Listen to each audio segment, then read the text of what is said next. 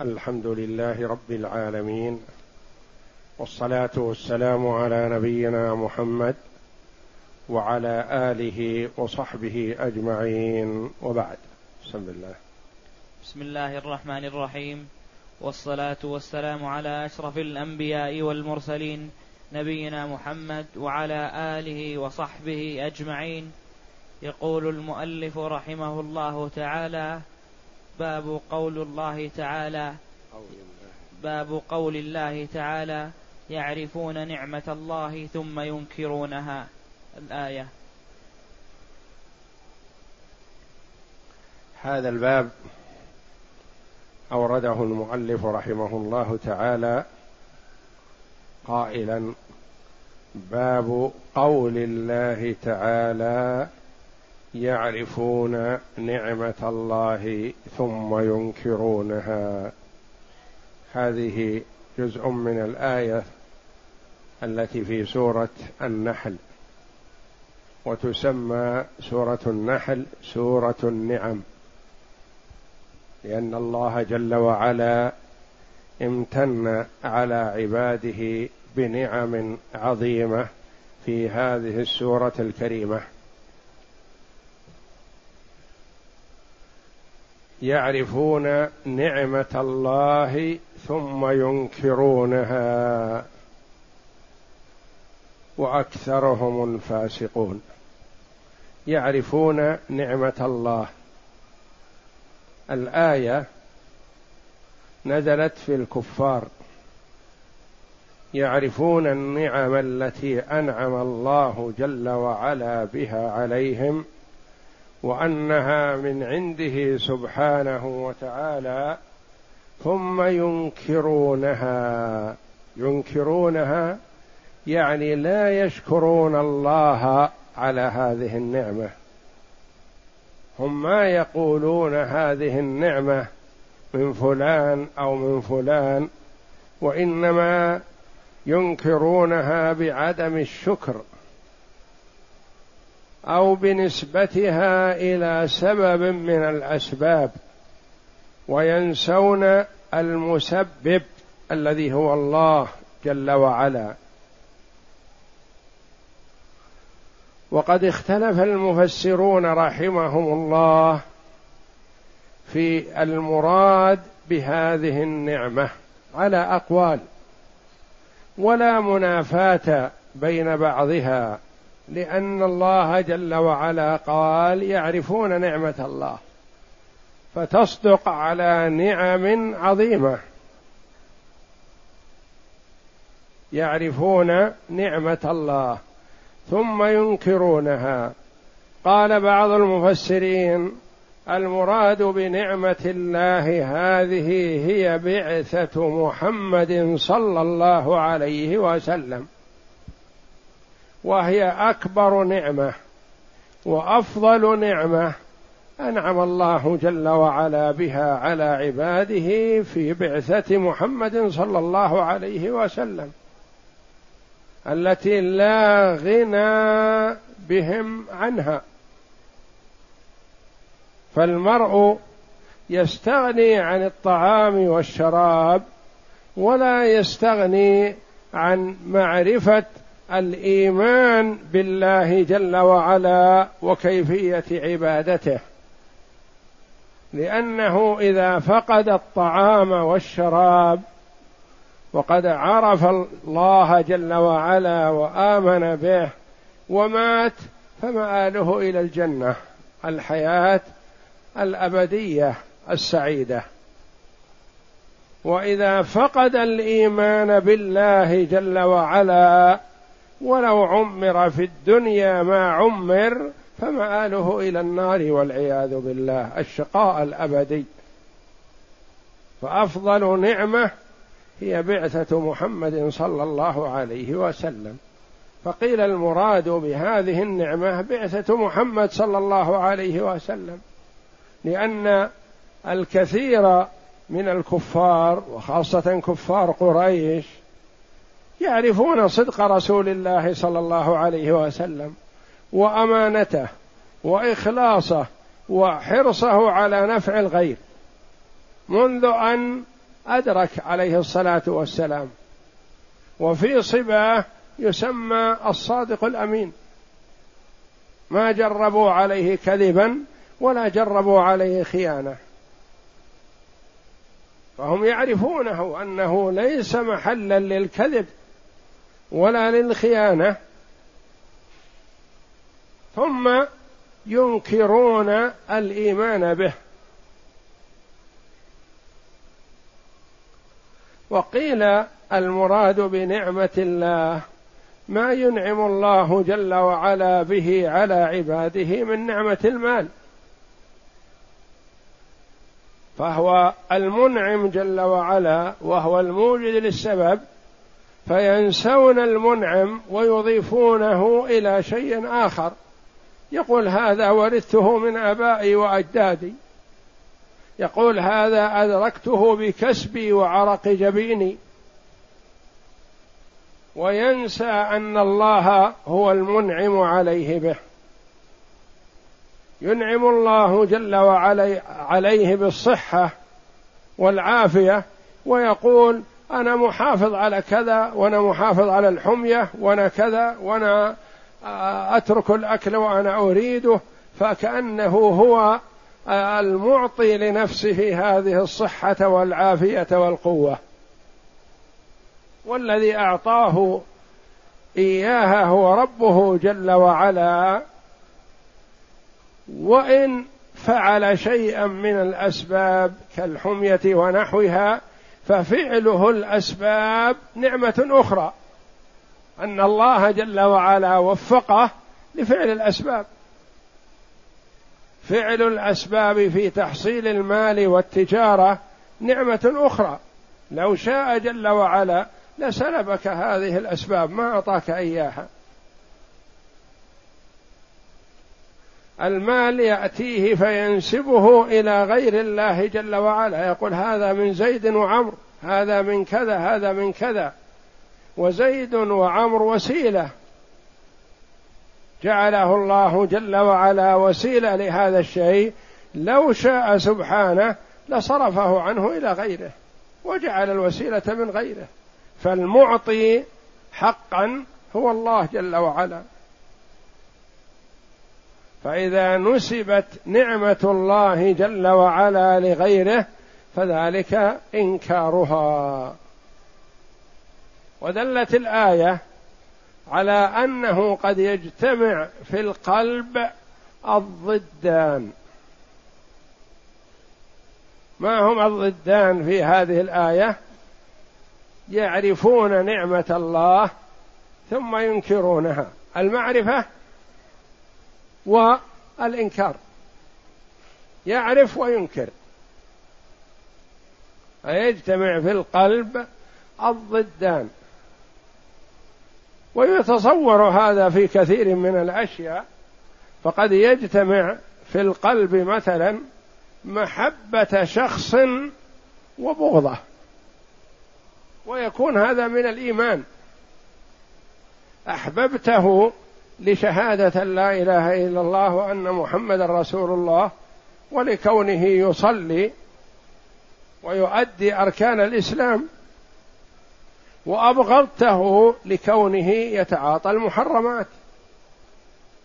كونه يتعاطى الربا يشرب الخمر يزني يسرق. تبغضه لهذه الخصلة الذميمة وتحبه لتوحيده وإيمانه بالله. يعرفون نعمة الله ثم ينكرونها. وإنكار النعمة يتأتى فيه النوعان من أنواع التوحيد.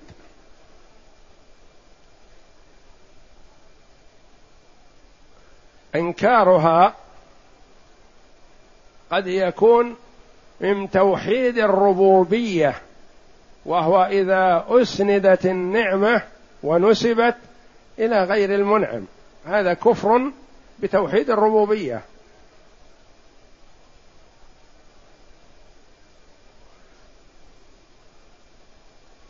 إنكارها قد يكون بصرف الشكر إلى غير الله.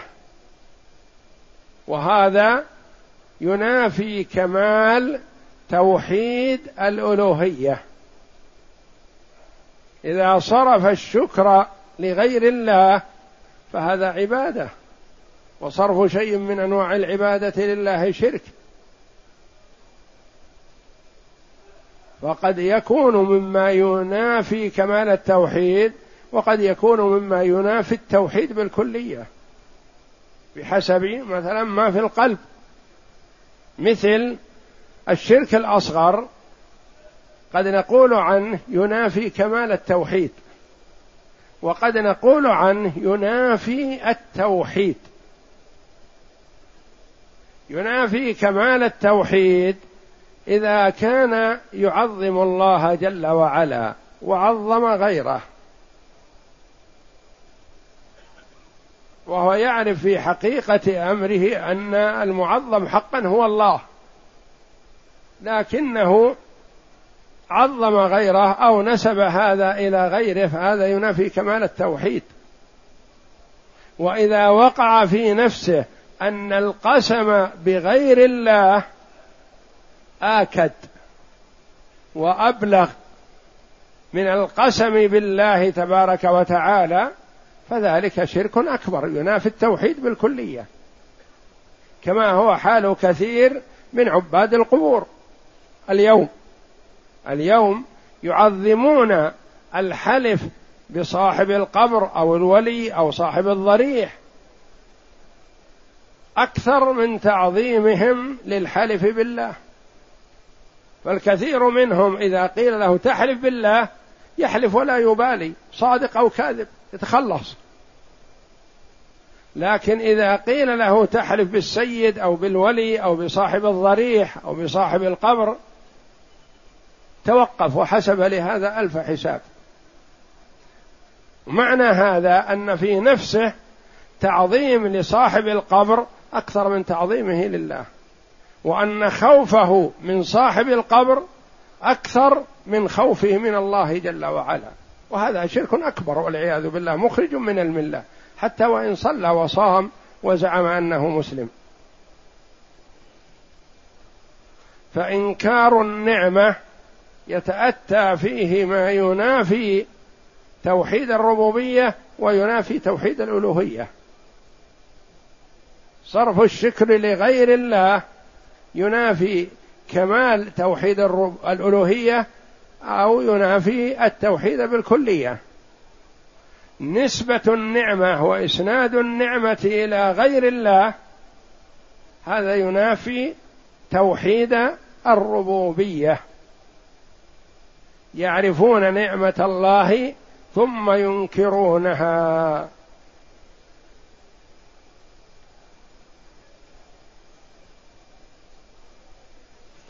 ولا منافاة بين أن يكون المراد نعمة الله هي نعمة؟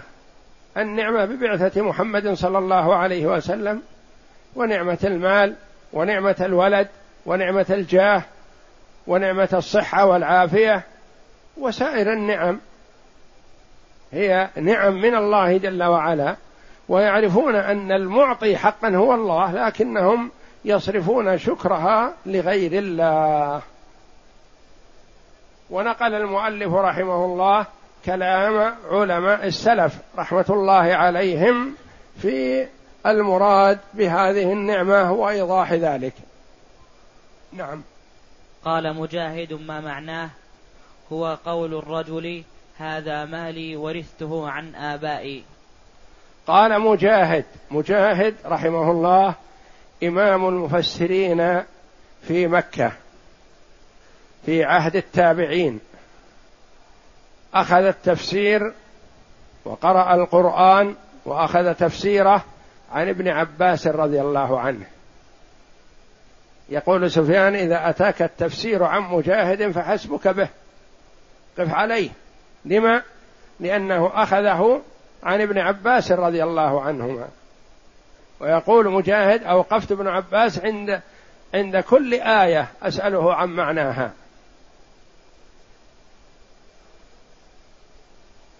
فهو من علماء التابعين رحمة الله عليهم أخذ العلم عن الصحابة رضي الله عنهم. قال مجاهد ما معناه انظر. إلى تحري المؤلف رحمه الله. يعني ما أورد لفظ مجاهد رحمه الله وما نسب هذا اللفظ إليه قال ما معناه؟ يعني كأنه عرف كلام مجاهد لكن ما أتى به بلفظه حال التأليف. فخشي أن ينسب إليه لفظا لم يقله فقال قال مجاهد ما معناه وكذلك إذا شك الرجل في لفظ من قال له أمر يقول قال لي فلان ما معناه كذا؟ حتى لا يتوهم أن هذا اللفظ هو لفظه. قال مجاهد ما معناه؟ هو قول الرجل هذا مالي ورثته من آبائي.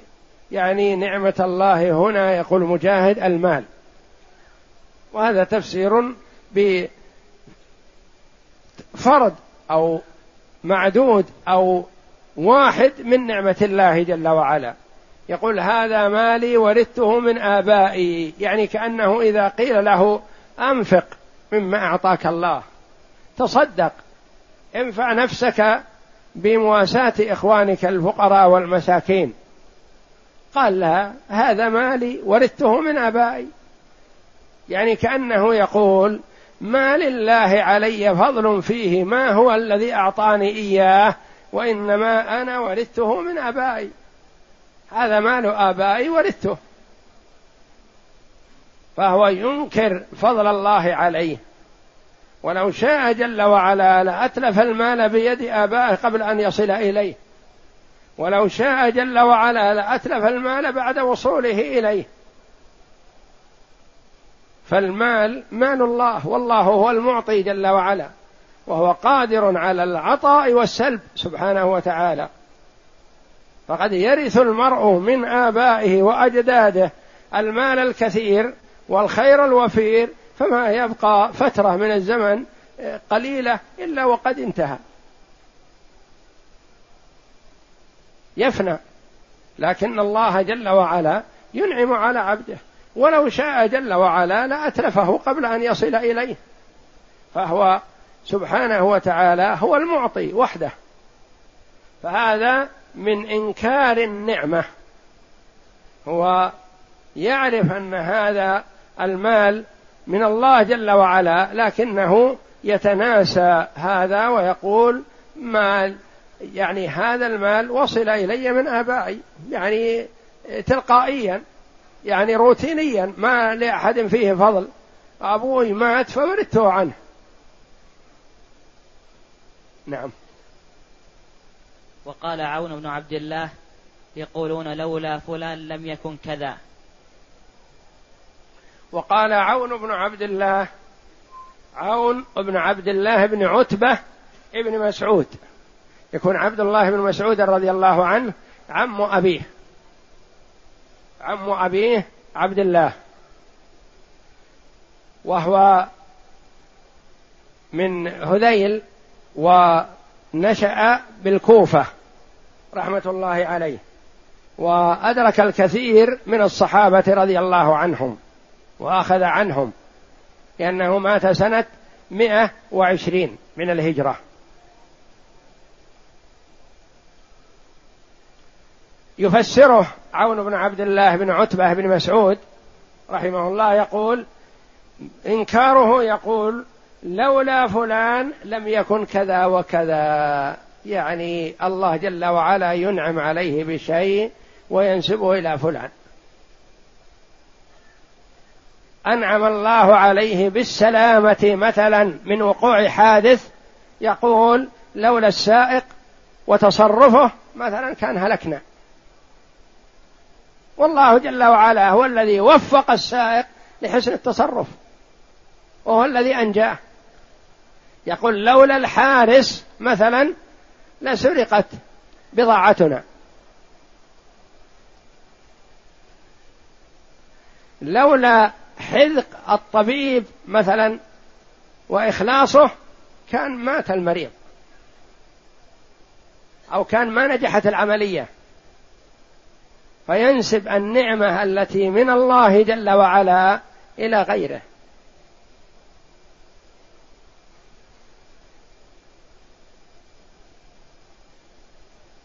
لولا فلان لم يكن كذا وكذا. فلان قد يكون سبب من الأسباب. ومن الذي وفقه لأن يكون كذا؟ هو الله جل وعلا وهو الذي أجرى هذا الشيء على يده. مثلا يقول أتانا فلان بالماء أو بالطعام لولا فلان هلكنا. لولا فلان في هذه المعمعة وفي هذه الفلاه من الأرض كان هلكنا. والله جل وعلا هو الذي ساق له الطعام والشراب على يد فلان أو غيره. قادر جل وعلا. فهو المنعم حقا وفلان سبب من الأسباب. ومثل هذه التعبيرات لا بأس أن يذكر السبب لكن ما يشرك بينه وبين الله ولا ينسى الله. يعني يقول لولا السائق مثلا هلكنا نقول هذا خطأ. ما يجوز. لأنك نسبت نعمة الله جل وعلا بالسلامة إلى السائق. يقول إذا أقول لولا الله والسائق هلكنا. نقول لا وهذا لا يجوز. لأن الواو تقتضي المشاركة والمساواة. من السائق ومن الله. هذا ما يجوز. إذا ما هو الصواب والصحيح؟ الإتيان بثم. نقول لولا الله ثم السائق. حصل الحادث. لولا الله ثم حذق الطبيب ما نجحت العملية. لولا الله ثم الحارس لحصلت السرقة. لسرق مالنا. قد يقول قائل ما الفرق بين الواو ثم؟ كلها حروف عطف. نقول لا هناك فرق عظيم. اللغة العربية يميز بين معانيها بألفاظها. لولا الله والحارس أو السائق أو الطبيب ونحو ذلك يعني اقتضى المشاركة شركت بين الله وبين غيره. ولا يجوز هذا. لا يجوز أن تقول هذه نعمة الله ونعمة زيد. هذا من الله ثم ومن الأمير. لا لأنك جعلت الأمير وزيد والسائق والطبيب وفاعل الأسباب شريكا لله وليس كذلك. فإذا قلت لولا الله ثم حسن تصرف السائق أو حسن تصرف الطبيب في العملية وإخلاصه أو ثم وجود الحارس سرق المال أو ثم لولا الله ثم التأني بالمسير لحصل ما حصل. مثلا الفرق أن ثم تقتضي التعقيب والتراخي يعني ما يكون ما بعدها مساو لما قبلها وإنما تابع له. تابع له. فإذا قلت مثلا جاء زيد وعمر اقتضى هذا أن مجيء زيد وعمر سواء. وإذا قلت جاء زيد ثم جاء عمرو. اقتضى أن مجيء عمرو بعد زيد. تابع لزيد. ما جاء معه. ثم لولا الله ثم حسن تصرف السائق. يعني الله جل وعلا هو الفاعل وهو المسبب سبحانه وتعالى. وحسن تصرف زيد أو السائق أو الطبيب هذا سبب من الأسباب. تابع فضل الله جل وعلا. وأن حسن تصرف السائق نعمة من الله جل وعلا. حسن تصرف الطبيب أو الحارس وحراسته للمال كل هذا نعمة من الله جل وعلا هو الذي هيأه لهذا. نعم. وقال ابن قتيبة يقولون هذا بشفاعة آلهتنا. وقال ابن قتيبة رحمه الله كان من علماء التفسير وله آه، قدم في العلوم والمعارف رحمة الله عليه وهو من آه، تابع التابعين. مات رحمه الله سنة سبع وستين ومائتين يعني ما أدرك الصحابة وما أدرك التابعين الأولين. يقول ابن قتيبة يقولون هذا بشفاعة آلهتنا.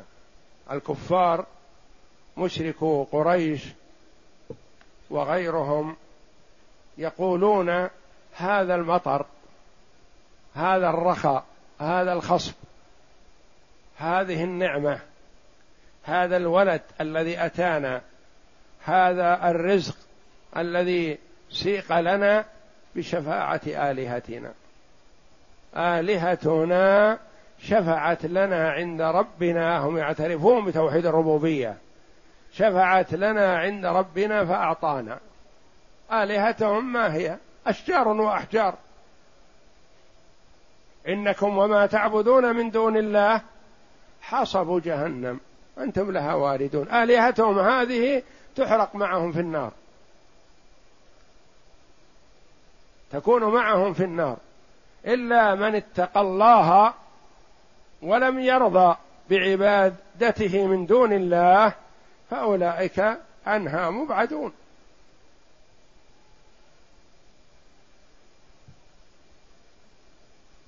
إن الذين سبقت لهم منا الحسنى أولئك عنها مبعدون. كعيسى والملائكة ومن عبد من دون الله وهو غير راض بذلك. ممن أطاع الله جل وعلا. أما الآلهة التي هي الأشجار والأحجار والأصنام والمعبودة من دون الله فهي تحرق معهم في النار. ما لها شفاعة. أفضل الخلق وأكرم الخلق على الله محمد صلى الله عليه وسلم ما يشفع إلا بعد إذن الله جل وعلا له ورضاه عن المشفوع له. ما يشفع تلقائيا. وهم يكذبون وينكرون نعمة الله وينسبونها إلى أنها بسبب آلهتهم.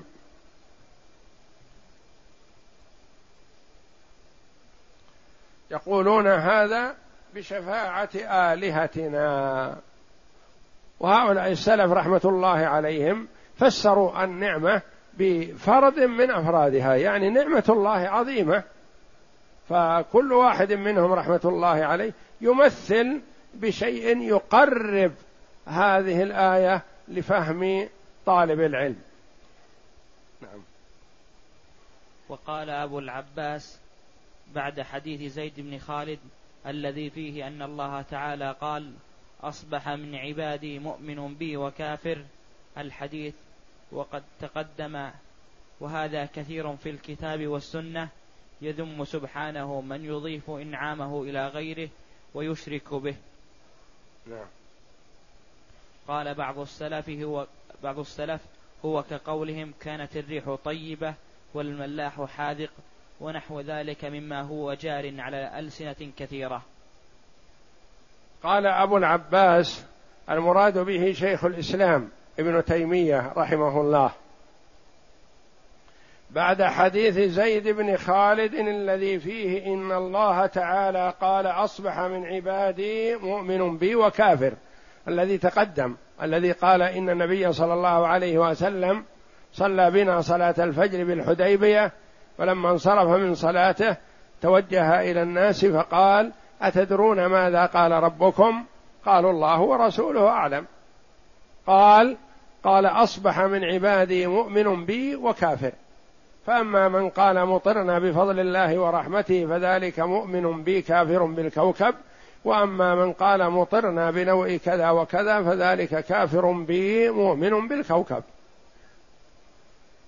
شيخ الإسلام ابن تيمية رحمه الله يقول تعليقا على هذا الحديث وهذا كثير في الكتاب والسنة. يعني يصدق هذا الحديث ما ورد في الكتاب والسنة الصحيحة من أن الله جل وعلا يذم من يضيف إنعامه إلى غيره ويشرك به. الله جل وعلا في الكتاب والسنة يذم من يضيف نعمة الله جل وعلا إلى غيره.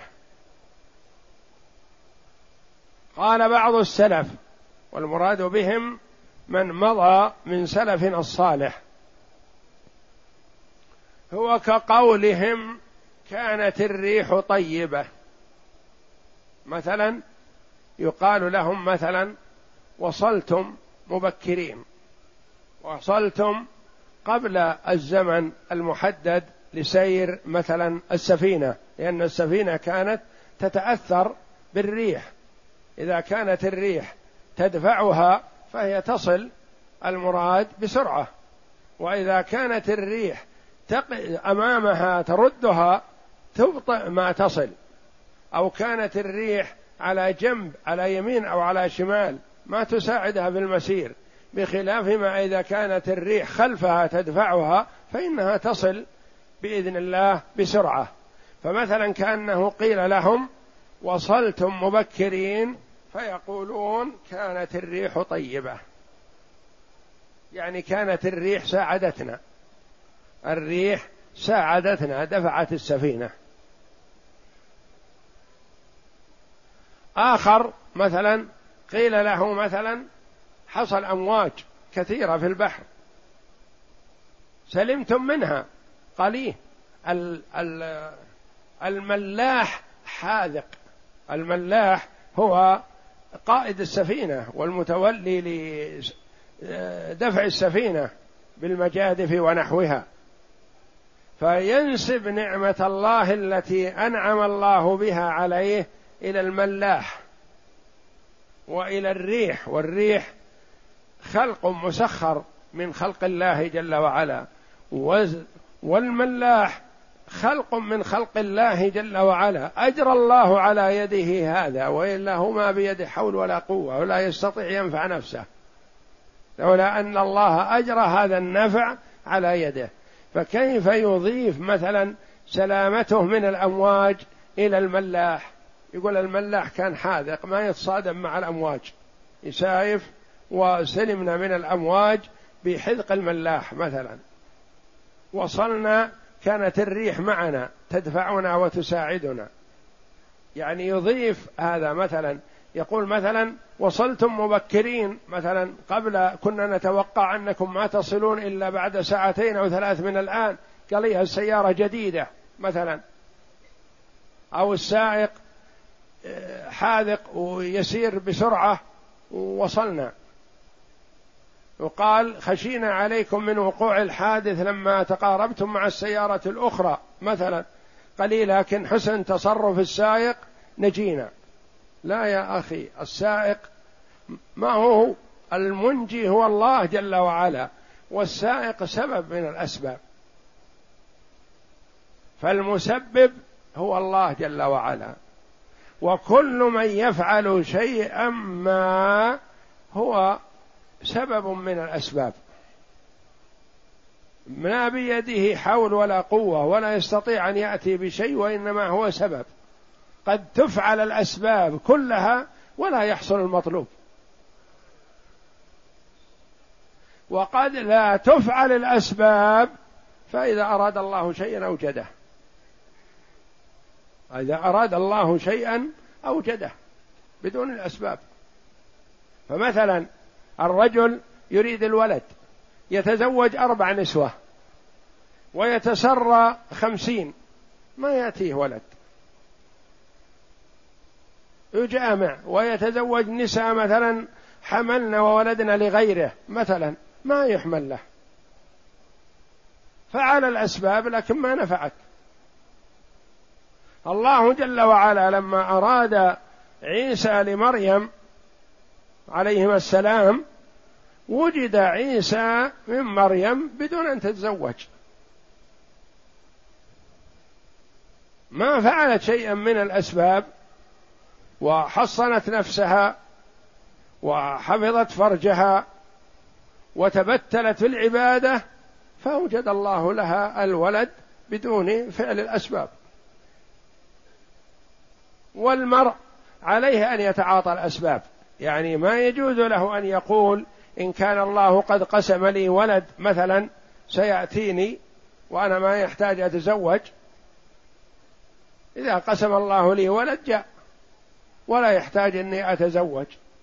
يقول لا الولد ما ينزل من السماء. افعل الأسباب وإن شاء الله يسر الله أمرك. فترك الأسباب الممكنة والمشروعة ما يجوز للمرء ولا يكون اعتباره نقصا بالعقل. إنه يقول مثلا إذا كان قسم الله لي ولد ياتيني ولا يحتاج أن أتزوج. افعل الأسباب لكن حذاري أن تتكل على الأسباب. اتكل على من؟ على مسبب الأسباب. على الفاعل الحقيقي. على الذي يسوق الأمر وإذا أراد شيئا قال له كن فكان كما أراد الله جل وعلا.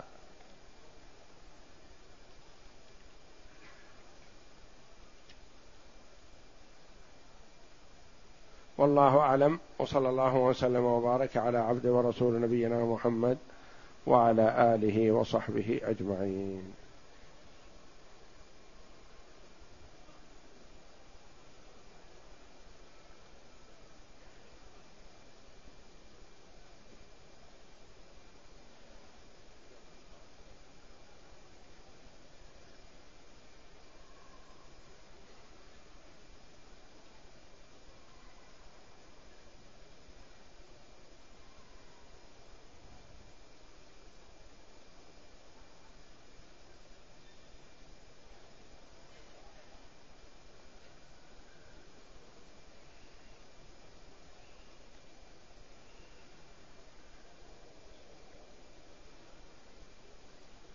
يقول السائل وقع على والدي حادث توفي فيه رجلان وقدرت نسبة الخطأ على والدي النصف.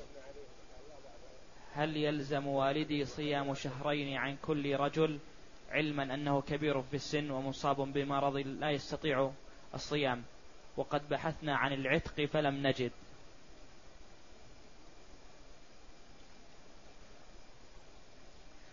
اولا ما دام عليه شيء من نسبة الخطأ فتجب عليه الكفارة وعن كل نفس كفارة مستقلة. ما تتداخل الكفارات عن مجموعة من الأشخاص يعني تكفي كفارة واحدة؟ لا. مات معه شخص واحد عليه كفارة واحدة. مات معه اثنان عليه كفارتان وهكذا. فإذا كان ما دام مات معه اثنان فعليه كفارتان. والكفارة أولا عتق رقبة قبل الصيام. فإذا أمكن العتق فما يجزئ الصيام. وإذا تعذر العتق فعليه صيام شهرين عن كل واحد. ما يستطيع أن يصوم يكون في ذمته متى ما قدر.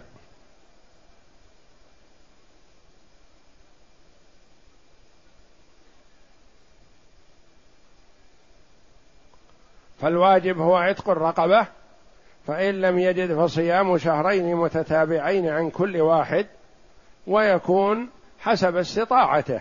ما دام أنه ما يستطيع بالوقت الحاضر ممكن يستطيع في وقت الشتاء في وقت البراد في وقت دون وقت يكون يؤدي الواجب عليه في ذلك الوقت الذي يستطيعه.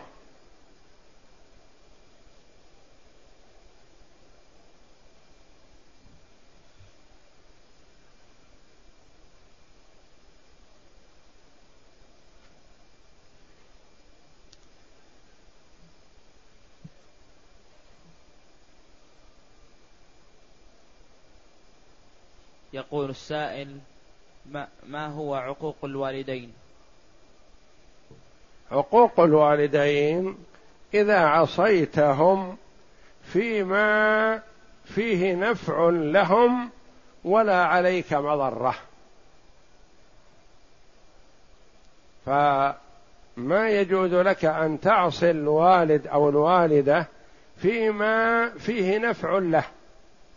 أما إذا كان لا نفع له مثلا في هذا وإنما الأمر يعود إليك فلا عليك في مخالفتهم مثلا. إذا قال لك الوالد مثلا تزوج فلانة أو قالت الوالدة تزوج فلانة ولا نفع لهما في هذا وإنما النفع لك أنت وأنت أدرى بمصلحتك فعصيتهم في هذا فلا حرج عليك. لكن إذا كان لهم نفع في شيء ما وعصيتهم وأنت قادر عليه. أما إذا كنت غير قادر عليه فلا لوم عليك. قال لك الوالد مثلا اشتر لي بيت. أنت ما تستطيع. يقول اشتر لي في ذمتك بيت أسكنه. مثلا. ما تستطيع أن تشتري بيت يسكنه. وإنما ممكن تشتري في ذمتك. وتقول ذمتي ما أتمكن أجعلها أشغل ذمتي بشيء قد لا أتمكن من التسديد فليس عليك في هذا لأن هذا فوق استطاعتك. فعقوق الوالد والوالدة إذا عصيتهما في أمر ينفعهما ولا مضرة عليك فيه.